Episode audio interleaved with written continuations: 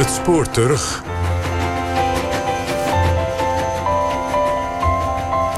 Met vandaag in het spoor terug herinneringen aan het begin van de bevrijding, 75 jaar geleden. Begin september 44 trokken de eerste Amerikaanse soldaten in het zuidelijkste puntje van Limburg ons land binnen.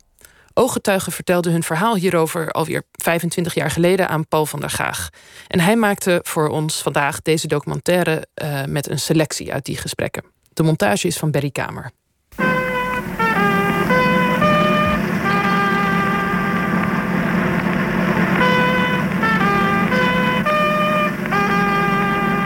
Landgenoten, uur der bevrijding heeft geslagen. Hier de stem van het vrije zuiden. Hier de stem van het vrije zuiden.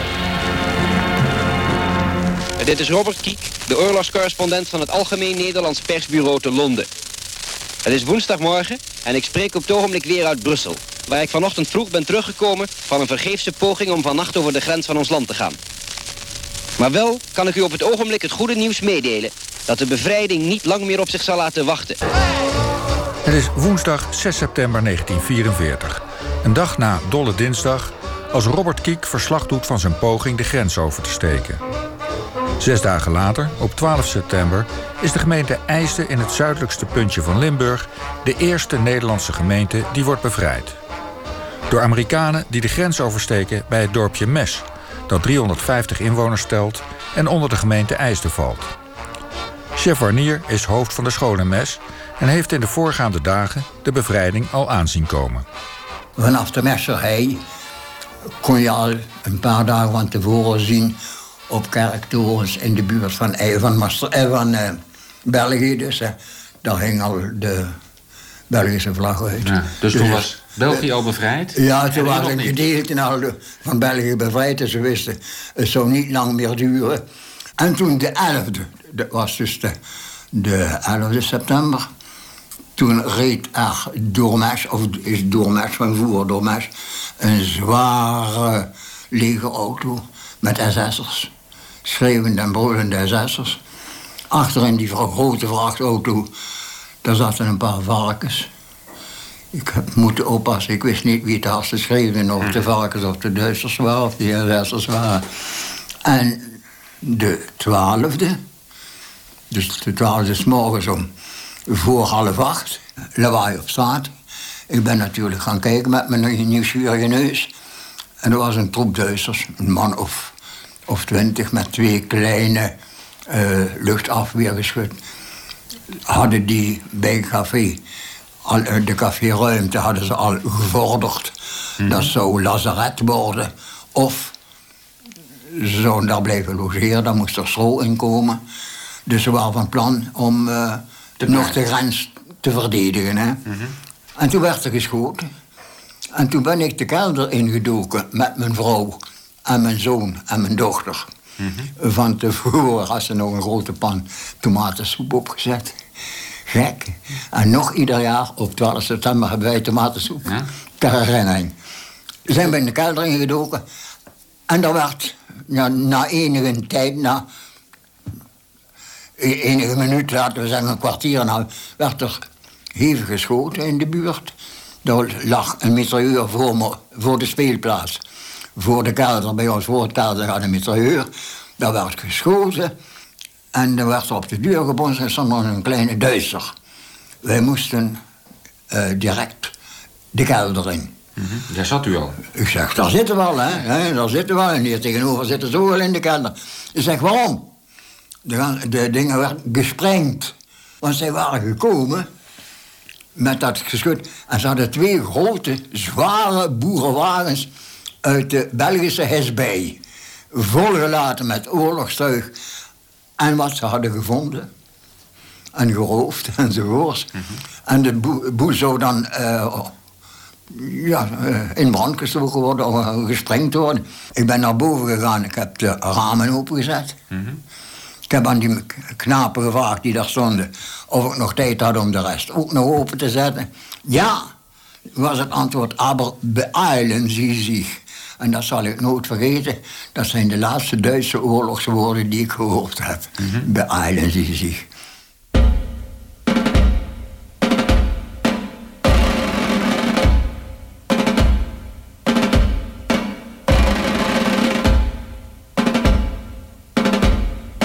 En toen dan rustpauze was, dus dat werd op een moment dus eventjes niet meer geschoten.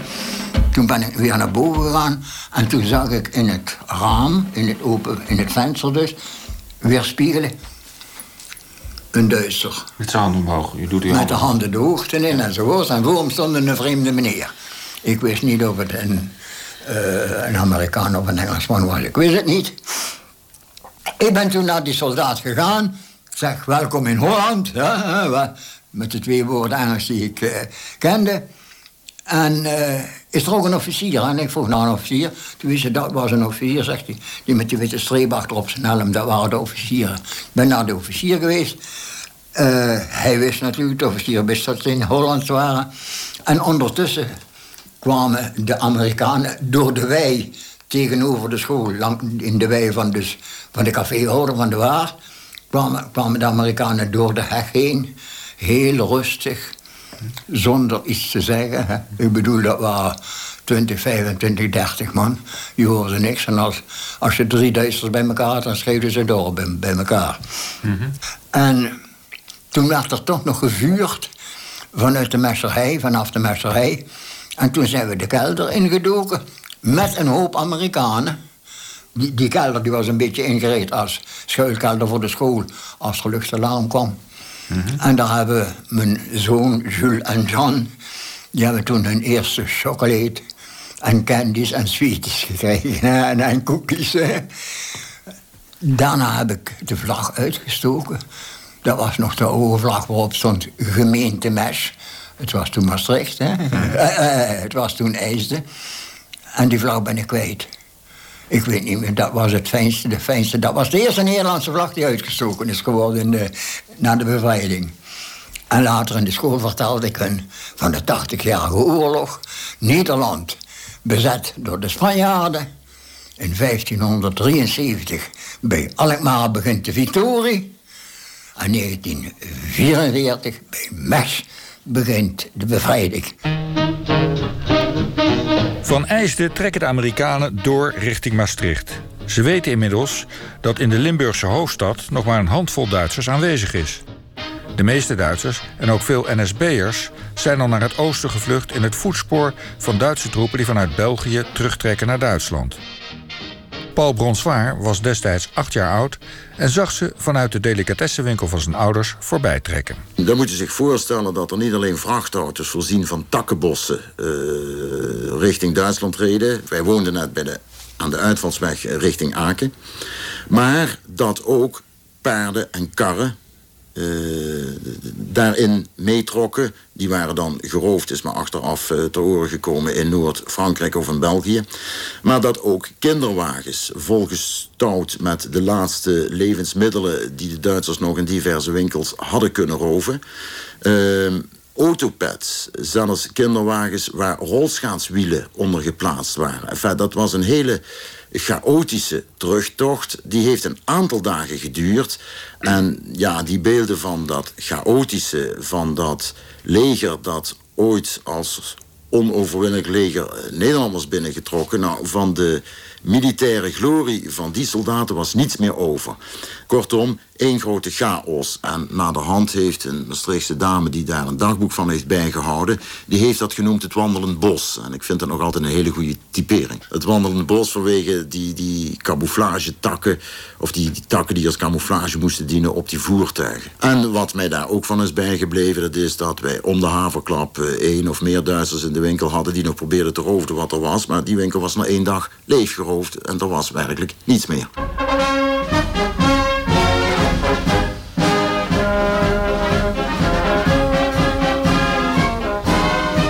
Dan komen de Amerikanen.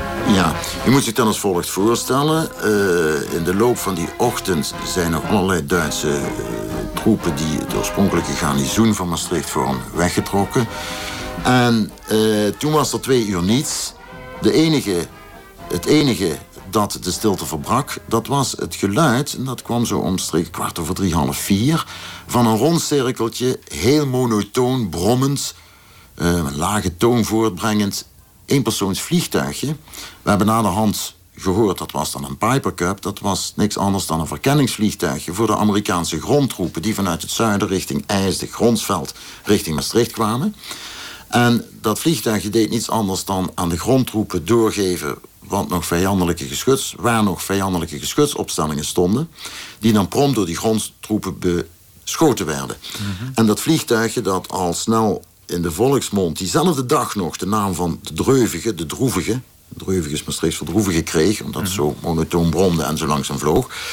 Dat betekende wel, want dat kwam steeds naderbij en die mhm. cirkels werden steeds kleiner dat was voor ons een blijk ervan dat de Amerikanen aan het naderen waren. Want dat ding kwam steeds korterbij en die cirkels kwamen steeds verder boven Maastricht. En rond vijf uur, tien over vijf hoorden wij een geweldig gejuich van de zijde van het station. En op die invalsweg vanuit het zuiden, die dan aan het station uitkwam, daar bevonden zich toen de eerste Amerikanen. Now a song written by Irving Berlin and dedicated to the commanding general of the AAF, General H.H. Arnold. With my head in the clouds.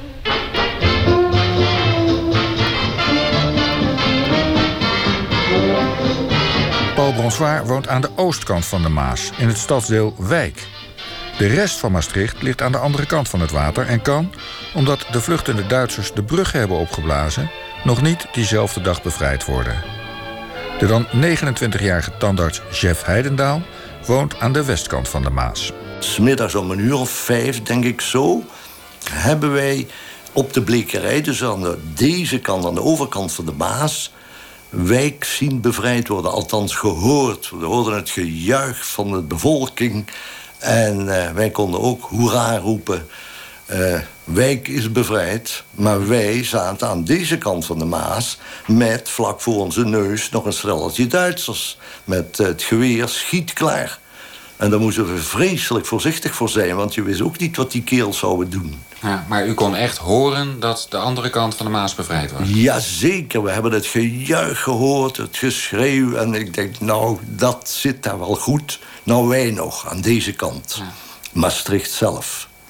Bent, bent, u ook gaan kijken of u wat kon zien aan de andere kant? Nee, nee, want voor onze neus liepen Duitsers nog... en je wist niet wat die kerels zouden doen, want dat, uh, die waren opgesloten. En uh, het was toen op dat ogenblik levensgevaarlijk natuurlijk. Nee, we zijn binnengebleven en in het donker en het duister weer naar huis gegaan. Afwachten. Maar die nacht hebben we niet geslapen, want uh, we popelden natuurlijk van de zenuwen en even afwachten.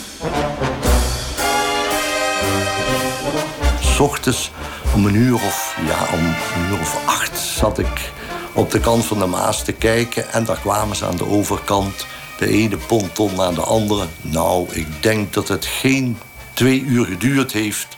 of Maastricht was weer verbonden met het bevrijde wijk. Nauwelijks was dat klaar, die pontonbrug... Of daar kwamen de eerste tanks al overheen. En de, de soldaten ook, het voetvolk. Vederlicht, op rubber liepen ze. Heel wat anders, verrassend, na het gestamp van die Duitse laarzen...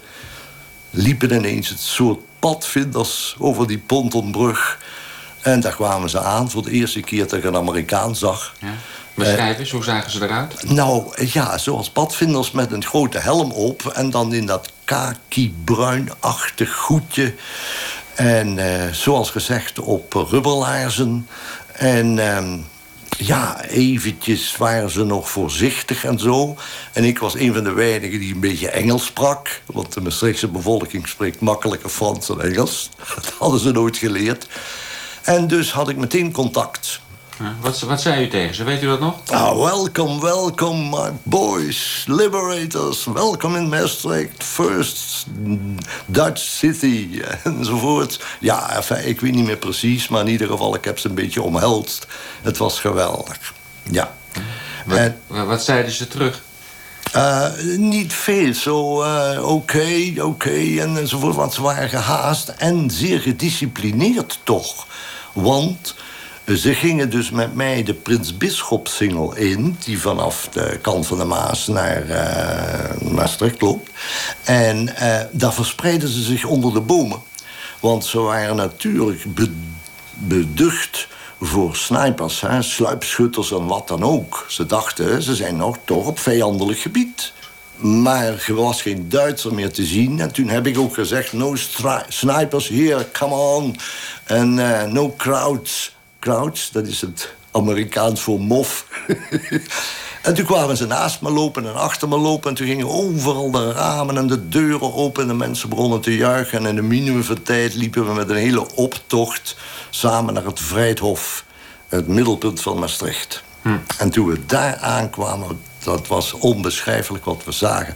Daar waren die Duitsers, de soldaten, die waren al allemaal gevangen door een paar andere Amerikanen. Ik weet niet waar ze vandaan zijn gekomen. Maar daar stonden de gevangen Duitsers al totaal onttakeld en, en terneergeslagen met hun handen achter hun hoofd enzovoort. En uh, ja, de hele bevolking liep uit en haalde uit de commandantuur, het Duitse opperbevel, wat daar in het politiebureau op het Vrijthof had, haalden ze de portretten van Hitler en van Geuring eruit. En voor de ogen van de gevangen moffen werden die in elkaar getrapt en in brand gestoken. Hoera. Eindelijk.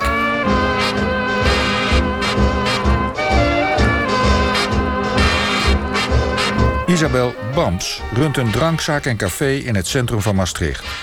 En ze was erbij toen de achtergebleven Duitsers bij het stadhuis door de Amerikanen gevangen werden genomen. Toen kwamen ze met de geweren in de aanslag, hebben ze zich rondom het uh, stadhuis gelegd. En wij moesten allemaal terug naar de kelder in. Want daar waren nog, zeiden ze, we geloofden het wel niet. In het stadhuis hadden nog, zich nog teruggetrokken. Duitsers. Duitsers. En die waren zwaar bewapend. En toen in één keer, toen uh, kwamen ze, hoorden wij de mensen roepen... kom maar eruit, er eruit. Ze hebben zich overgegeven. Dus we gingen allemaal naar de vooringang van het stadhuis. En daar kwamen alle die Duitsers. Ik kan het niet zeggen hoeveel. Ik, eh, in mijn gedachten zijn het er ongeveer 20, 25. Misschien meer. Ik weet het niet. Kwamen met hun handen in de hoogte naar, uh, naar buiten toe, één voor één. En ze waren dus ontwapend. En toen werden ze uh, weggevoerd de Spilstraat op. Toen het eerste muziekkorps de Bosstraat opkwam. Dus die waren al met de, over het ponton gekomen. Die hoefden niet meer met bootjes. Ja, dat was een onvergetelijke belevenis. Die kwamen de Bosstraat op. Niet van over de brug, over de kapotte brug of zo, over de Maas. Van het, zuid, van het noorden van Maastricht of de Mark op. Die waren mooi gekleed. En uh, die zongen ze Long Way to Tipperary. Ja, toen hebben we allemaal gehuild. De dag na de eerste dag van de bevrijding was dat dan. Hallo Radio Oranje. Ik spreek nog uit Brussel vandaag, maar breng u het nieuws uit de eerste Nederlandse stad die door de geallieerden is bevrijd. Maastricht. Vier jaar, vier maanden en vier dagen nadat de Duitsers ons land waren binnengerukt, stroomden eenheden van het Amerikaanse leger onze oudste stad binnen. En de Yankees zijn er ontvangen door een burgerij die zich soms nog moest bezinnen tussen tranen van vreugde en een laaiend enthousiasme zoals ik dat nog nooit eerder heb gezien. Maastricht was gisteren één oranje zee. Meisjes droegen oranje rokken. Mannen hadden oranje sjerpen om. Fietsen waren met oranje bloemen versierd, al was het een bloemencorso. Oranje wimpels hingen in de straten en op de Vrijthof brulde een deinende menigte om de paar seconden. Leven Willemien! Het was om nooit te vergeten. Zo beschrijft verslaggever Robert Kiek op 15 september 1944 de sfeer in het bevrijde Maastricht op Radio Oranje. Maar het is niet alleen maar een oranje feest in de stad. Er worden ook rekeningen vereffend, vertelt chef Heidendaan. Toen natuurlijk meteen op zoek naar de collaborateurs, naar de NSB'ers. En de meesten waren wel gevlucht, maar ze hadden nog een heleboel te pakken. En vooral ook de vrouwen, die werden op een hoop gedreven. Kaal geschoren. Die vrouwen kaal geschoren, vreselijk opgekropte woede van vier jaren onderdrukking, vier en een half jaar vredeonderdrukking met zoveel doden en zoveel vermoorde Joodse mensen. Eh, eh, nou ja, je wist gewoon niet. Ik, ik, ik, ja, Ik kon mijn handen thuis houden, maar ik had er ook wel in kunnen borgen... hoor, als ik er een spakkel had gekregen. Maar ja, goed. Opgekropte volkswoede barstte los. Werden mensen ook mishandeld?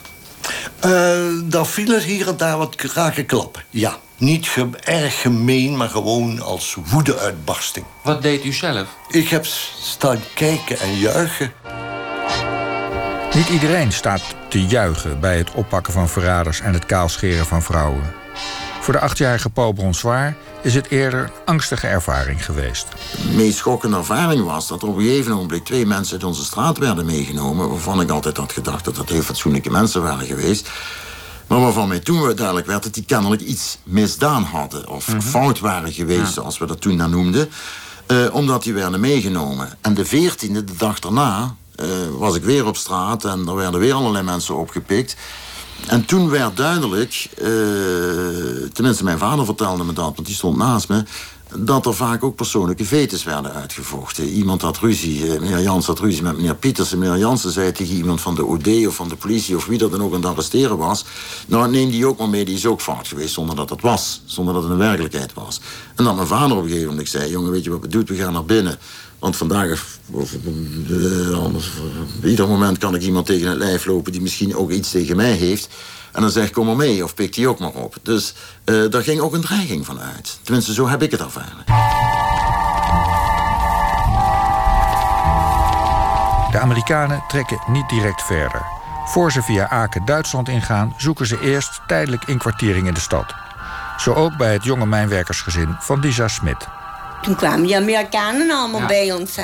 waren ook al van die blanken, eh, van die officieren bij ons aan de deur. Weet, of, ze, of we kamer vrij hadden. Ja, we hadden kamer vrij, zeiden we. Maar ze moesten een bad hebben. Ik zeg, ja, dat hebben we niet. Hm. Zo rijk zijn we niet, zei ik tegen toen die kwamen ze niet bij u En toen kwamen ze niet bij ons. Ze moesten een, een kamer hebben met een bad. Want bij ons naast lag een winkelhuis leeg. En daar had een NSB'er in gewoond, van Snijders heette die. En die, uh, die was gevlucht natuurlijk met zijn kinderen. En uh, toen uh, hebben ze die Amerikanen, die zijn in dat huis over gaan overnachten.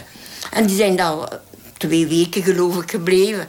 En toen s morgens toen, liep ik achter in de tuin en die Amerikanen liepen ook achter in de tuin. En toen riepen ze op me, hoe? Ik zeg, ja? Riep ik, kijk, wist niet waar vandaan. Waren zij het? Kwamen ze tegen me of ik wat te eten wou hebben. Ik zeg ja, zei ik tegen hen. En toen moest ik bij hen komen. Ja, toen moest ik eventjes achter, kon ik niet door, want dat was afgemaakt. Toen ben ik naar voren omgegaan en toen kreeg ik een hoop eten voor ons te eten. Want ik was in verwachting toen. En, uh, en wat kreeg u te eten? Weet ja, u dat nog? Heel lekker witte brood. En alles lekker dikke boter kregen we toen en alles en wat. En zo, hè. En ze hadden koffie gemaakt, lekker koffie en alles. Want het eerste wat ik had, kwam ik niks anders dan overgeven, overgeven. Want dat was helemaal niet meer gewend. Isabel Bams krijgt in haar café ook heel wat Amerikanen over de vloer. En dat gaf veel leven. Een heel ander soort klandizie dan de formelere Duitsers in de jaren ervoor. Dat was weer een heel andere mentaliteit. Daar moesten we ook weer even aan gewennen. Ja. Die waren zo opgefokt, die Duitsers, dat ze hun mond niet durfden open te doen. Op en top fatsoenlijk. Ik heb nog nooit nog niet een schuine mop horen vertellen in die vier jaar. Maar ja, met die Amerikanen was dat iets anders. Heb ik toch wel een beetje voorzichtiger moeten zijn. Ja, hoezo? Niet met, maar toch met kleden. Ze waren het toch wel, maar ja. Ze waren vrij postig. Vrij postig waren ze. Ze zaten achter de meisjes. We waren toch wel heel blij. Ja, achter de jonge vrouwen ook. Ze vroegen niet daarna of je getrouwd was, maar dat lag in jezelf. Mhm. Maar we waren toch hartstikke blij met ze. Nou hoor, en hoe? En we hebben ze verwend zolang als dat we gekund hebben. Konden ze hem goed raken in uw café? Hielden ze van... Ja, eh, ja, ja. En toen kwam ook wel een beetje... een begin ook niet, maar ze waren tevreden met alles wat ze kregen. De gezelligheid was voor hun heel belangrijk. Mhm. En, maar ja, en dan, dan komen ook wel leuke verhalen. Maar dat laat ik dan liever met een naaimachine en zoiets... wat ze uit Duitsland mee terugnamen. Want er was gebombardeerd. Die vonden veel, die Amerikaanse soldaten. Mm -hmm. Daar in dat verwoeste Duitsland. Die kwamen door Maastricht terug. Of hadden hun rustpauze in Maastricht. En kwamen ze bij ons met een naaimachine op hun kop. Als ze niet ergens een, een meisje wisten voor de fok-fok Wist in het begin niet wat fok fok is. Ik zeg, ja, kijk maar eens of het hier tussen staat. Tussen de drank in staat. Ik begreep helemaal niet wat ze bedoelde. Nee, ik wist niet wat dat bedoelde. Maar ja, dat waren gezonde jongens. Natuurlijk, die mannen hadden hun meisje, hun vrouwen nodig. En dat was dan later. Dat, uh, daar zorgde de geestelijke voor. Dan werden de meisjes opgehaald van bepaalde standen. Dan werden in vrachtwagens opgehaald. Was dan meestal een geestelijke leider was daarbij. En dan werden die meisjes opgehaald voor het, dat die officiertjes zich, zich ook konden amuseren. Nice going, boys. Now here's an all-American favorite which you boys out there ask for frequently. It's been arranged especially for all of you. Stormy weather. Sergeant Archie, you got those boys ready up there? Here's the downbeat. Ook Jeff Heidendaal ziet hoe in rap tempo allerhande vertier voor de Amerikanen wordt georganiseerd. Voor er in het noorden en het oosten verder gevochten moet worden, kunnen de soldaten zich in het vrije Maastricht ontspannen. Onmiddellijk uh, uh, hadden die Amerikanen, uh, werd hen aangeboden de allerlei gebouwen en openbare gelegenheden en daar werden clubs uh, gevestigd en georganiseerd. En er werden vele vrouwtjes en meisjes en uh, jonge dochters uitgenodigd om de Amerikanen gezelschap te houden. En uh, daar werd heel veel gedanst. Ja, ja en, en, en feest gevierd. En dat is nogal eens uit de pand gesprongen. En daar ging daar later nog, na negen maanden uh, Sinterklaas 1945 ging het liedje van Vol verwachting klop ons hart. Of het een wit wordt of het zwart. Maar, maar waren de Maastrichtse jongens niet jaloers dat die Amerikanen er met hun meisjes vandoor gingen? Ook dat, ja zeker. Daar is menige vechtpartij wel gekomen. Ja, ja, ja. Daar is natuurlijk nogal uh, een en ander gebeurd. Maar dat is toch allemaal eigenlijk... Uh, dat zijn, laat ik zeggen, randversieringen van het grote gebeuren. Erg veel last hebben we nooit gehad, nee.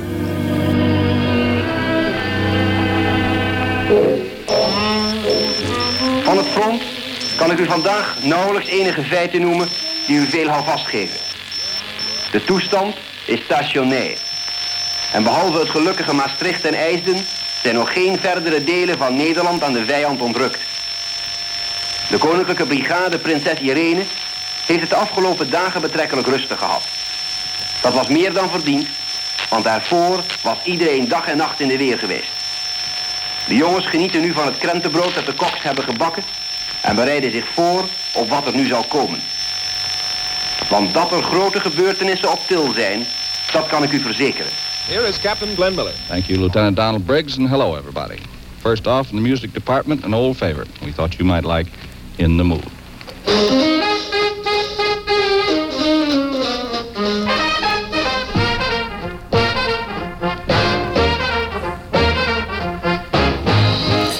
Dit was het verhaal van de bevrijding van het eerste stukje Nederland, 75 jaar geleden. Verhalen van ooggetuigen die Paul van der Gaag 25 jaar geleden al verzamelde.